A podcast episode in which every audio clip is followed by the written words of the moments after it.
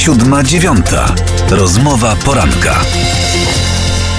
20 minut po godzinie 7. Naszym gościem jest pan Marek Budzisz, ekspert do spraw wschodnich, autor książki Wszystko jest wojną, rosyjska kultura strategiczna. Dzień dobry.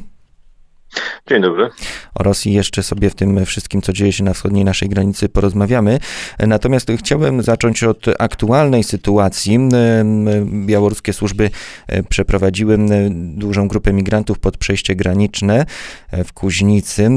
Członkowie polskiego rządu to interpretują w taki sposób, że Aleksander Łukaszenka zauważył, że no nie da się po prostu tej granicy przekroczyć, nie da się przełamać, jest dobrze chroniona i zamierza teraz e, na dobre e, kryzys humanitarny rozpalić i, i takimi obrazkami nas wszystkich raczyć, jakie wczoraj mogliśmy oglądać.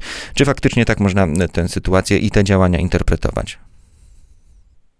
Myślę, że częściowo tak, natomiast warto spojrzeć na, na to, co się dzieje e, w nieco szerszym kontekście, bo mamy do czynienia przynajmniej w ostatnich dwóch, trzech dniach pewnym, z pewną zmianą tonu narracji przedstawicieli białoruskiej władzy, którzy zaczynają sygnalizować, również zapewne z tego powodu, że doszli do wniosku, iż e, e, przez tak zwaną zieloną granicę się do Polski nie przejdzie. Oni zaczęli sygnalizować wolę poszukiwania jakiegoś rozwiązania kompromisowego tego, tego problemu, czy tego kryzysu, który również, a może w pierwszym rzędzie dla władz białoruskich zaczął być e, pewnym, pewnym problemem i wczorajsza rozmowa telefoniczna kanclerz Merkel z Aleksandrem Łukaszenką jakby wskazuje na to, że i po stronie wspólnoty europejskiej też jest e, mm, podobna, mm, podobne myślenie. Przy czym, na co też warto zwrócić uwagę, e, szef dyplomacji europejskiej Josep Borrell po, po wczorajszym spotkaniu e, ministrów spraw zagranicznych wspólnoty powiedział, że żaden emigrant nie zostanie wpuszczony do Unii Europejskiej. Więc ta, ta, ta rozgrywka dyplomatyczna, która się właśnie zaczęła, związana z, z kryzysem migracyjnym, ona nie dotyczy ani otworzenia korytarzy humanitarnych, jak można przypuszczać z tej wypowiedzi, ani przyjęcia tych emigrantów, tylko po prostu rozładowania problemu, czyli ich powrotu do swoich ojczyzn. No właśnie, czy ten powrót jest możliwy? Słyszeliśmy wczoraj, że Irak ma przysłać samoloty po migrantów. Też docierają takie informacje, że no, może ten napływ migrantów na Białoruś nie zostanie zatrzymany, ale że w mniejszych ilościach będą przybywać do, do tego kraju. Czy, czy gdzieś tam to jest jakiś sukces, czy, czy początek rozwiązania tego problemu?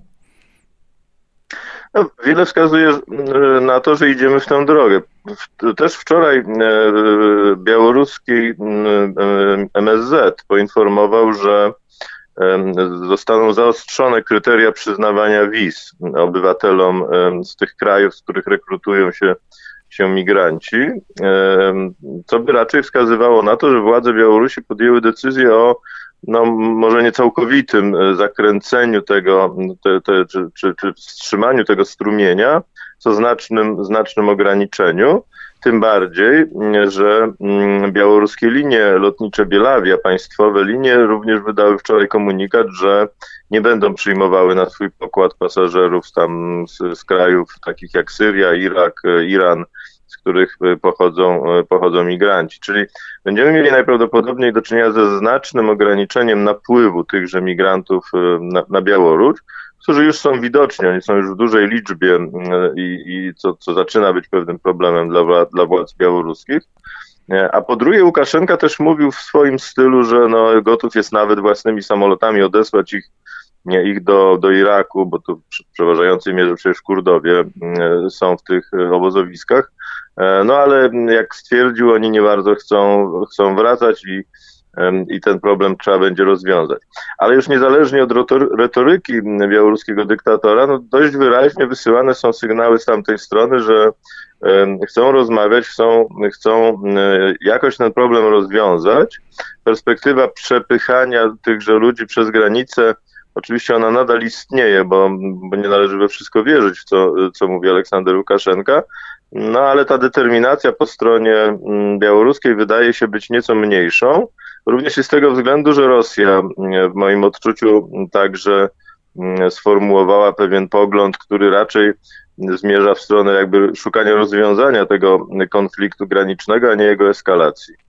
No właśnie na tych rozmowach międzynarodowych chciałem się chwilę zatrzymać, no bo tak, z jednej strony my jako Polska też słyszymy e, wiele e, wyrazów wsparcia, czy to ze Stanów Zjednoczonych, czy z Wielkiej Brytanii, e, ale z drugiej strony i Ameryka, i Wielka Brytania mówi, żeby rozmawiać z Rosją. Prezydent Francji rozmawia z Władimirem Putinem, kanclerz Niemiec rozmawia z Aleksandrem Łukaszenką, o czym już powiedzieliśmy.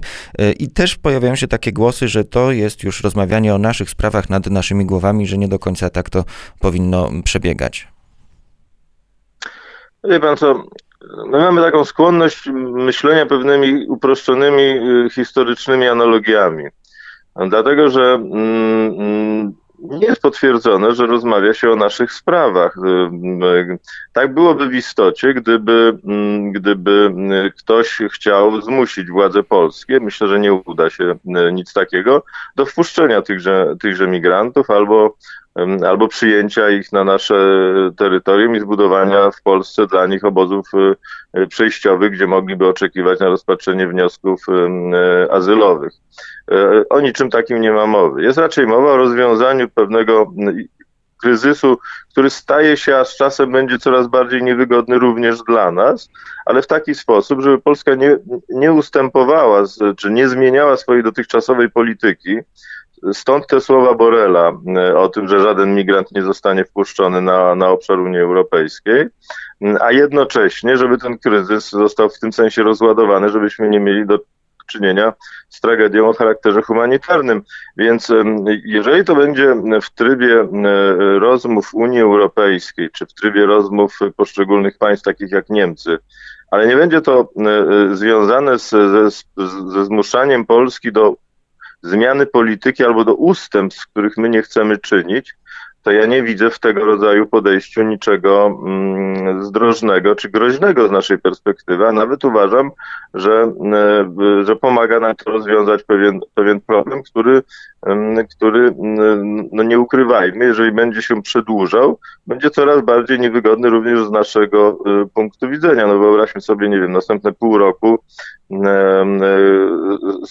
siły polskie stojące na granicy z Białorusią, to też rodzi określone skutki po naszej stronie, nie tylko finansowe, ale też i e, przecież ci ludzie potrzebują mm, mm, pewnej rotacji, pewnych zmian, no to to jest wszystko duże, e, duże wyzwanie, więc mm, w tym sensie ja mówiąc uczciwie nie, nie dostrzegam póki co e, zagrożenia, że ktoś będzie, mówiąc kolokwialnie, handlował interesami Polski za naszymi plecami.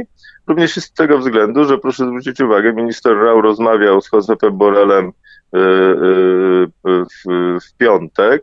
Wczoraj się też od, potem Borel dzwonił do, do, do Makieja, do szefa MSZ-u białoruskiego w niedzielę.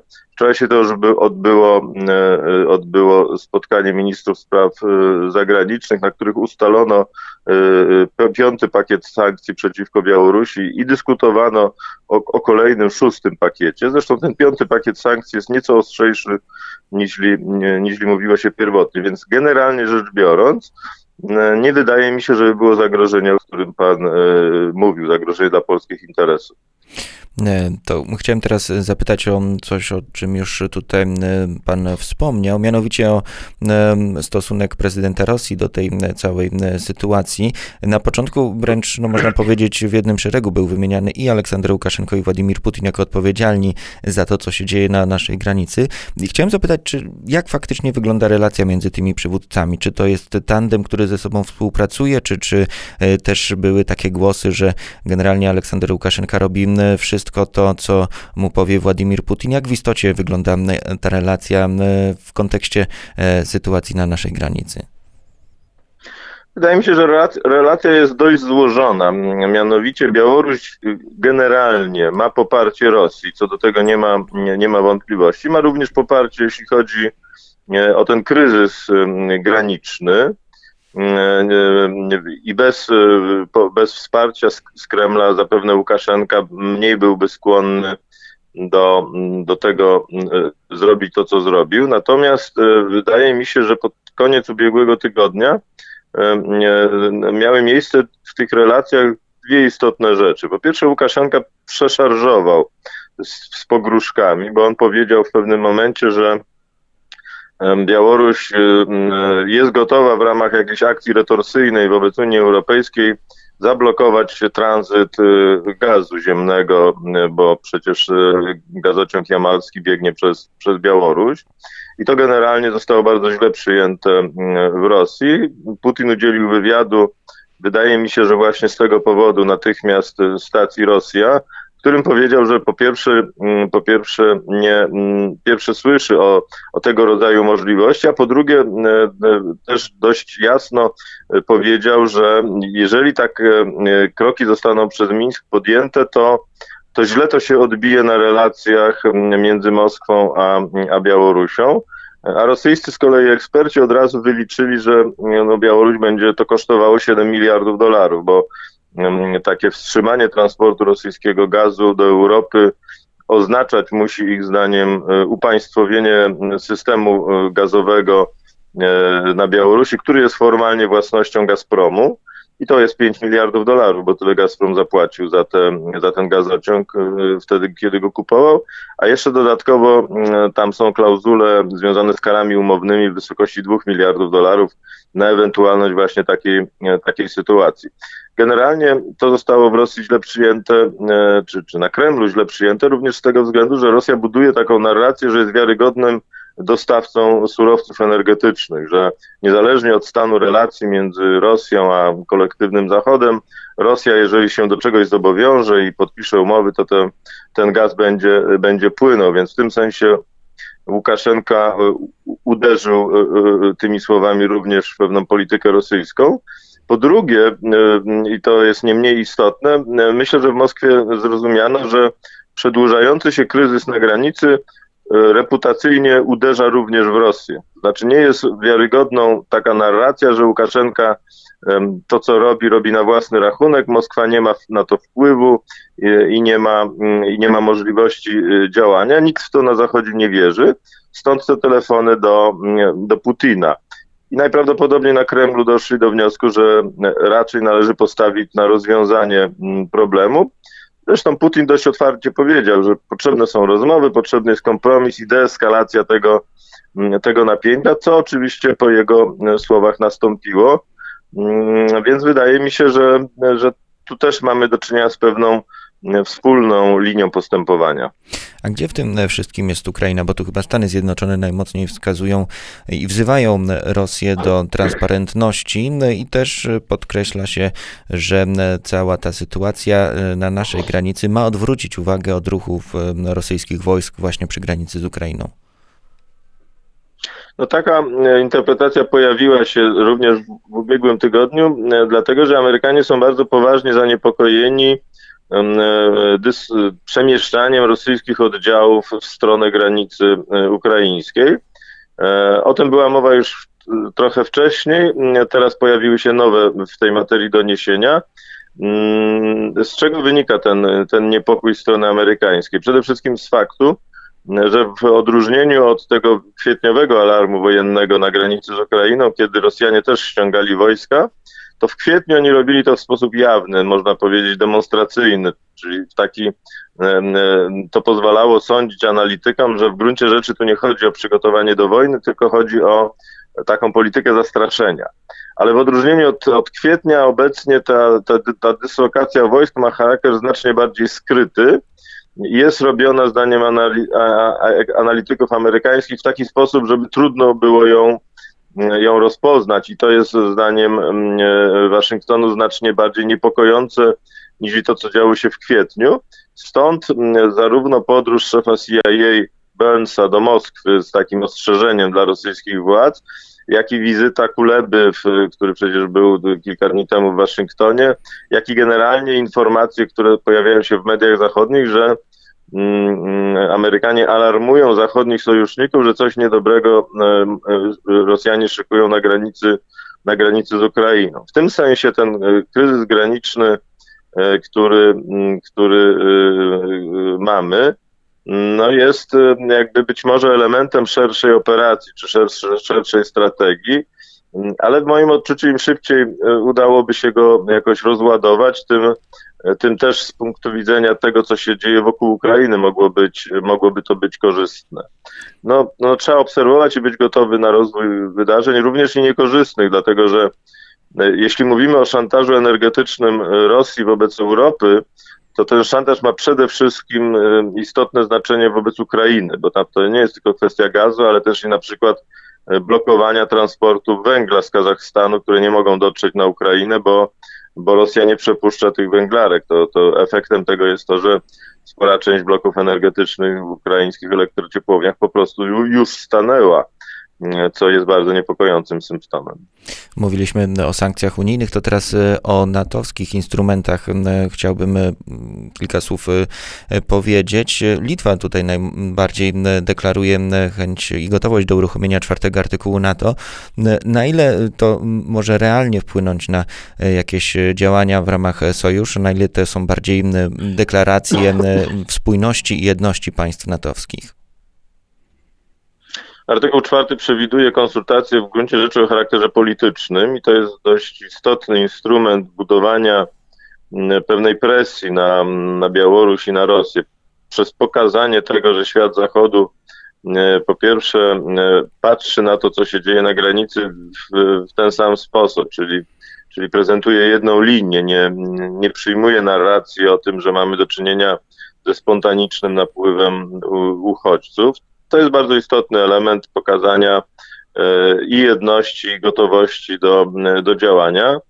E, ale to nie ma oczywiście charakteru wojskowego. On z, tak, z tego rodzaju zagrożeniem nie mamy do czynienia, mimo że ten artykuł mówi o tym, że uruchamia się konsultacje wtedy, kiedy jedno z państw członkowskich NATO uważa, że jest, że jest zagrożone.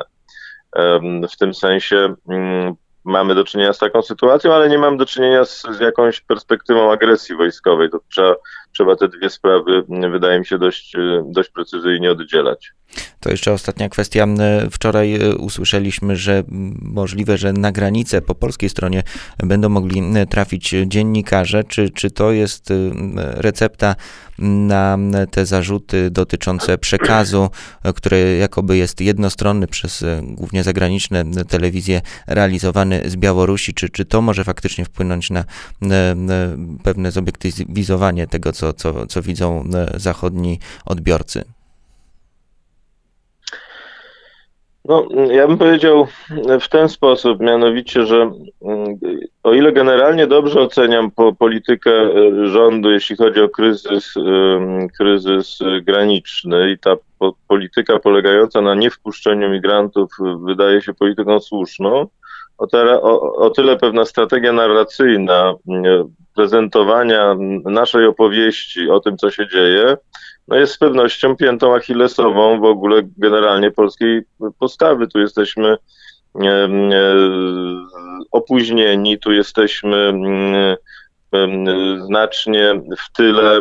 Myślę, że, że w pewnej części narrację narzuca nam druga, druga strona.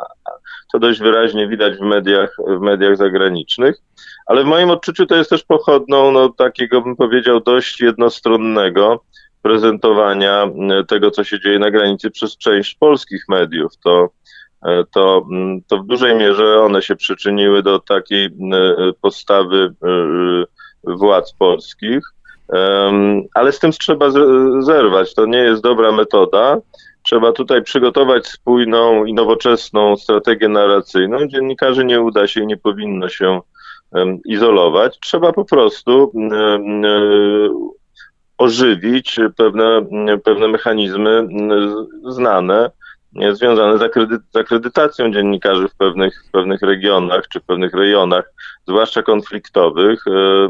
To robią wszystkie państwa, to robili też Amerykanie, chociażby w Wietnamie, którzy dopuszczali dziennikarzy na linię frontu, ale po pierwsze po sprawdzenia, po drugie wcielając ich do w szeregi amerykańskiej armii, bo to był warunek w ogóle E, możliwości znalezienia się i relacjonowania tego, co się dzieje na froncie Ja nie mówię, że powinno być to w sposób mechaniczny przeniesione do Polski. Mówię tylko, że są mechanizmy, które pozwolą poszerzyć pewien strumień informacji napływający, a jednocześnie dbać o to, żeby te informacje, tak jak to mieliśmy niestety po polskiej stronie z tym do czynienia, nie są w sposób agresywny zwrócone przeciw realizowanej obecnie polityce, polityce rządu, czy generalnie przeciwko interesowi Polski, więc z tych mechanizmów trzeba skorzystać i trzeba było to zrobić już odpowiednio wcześniej.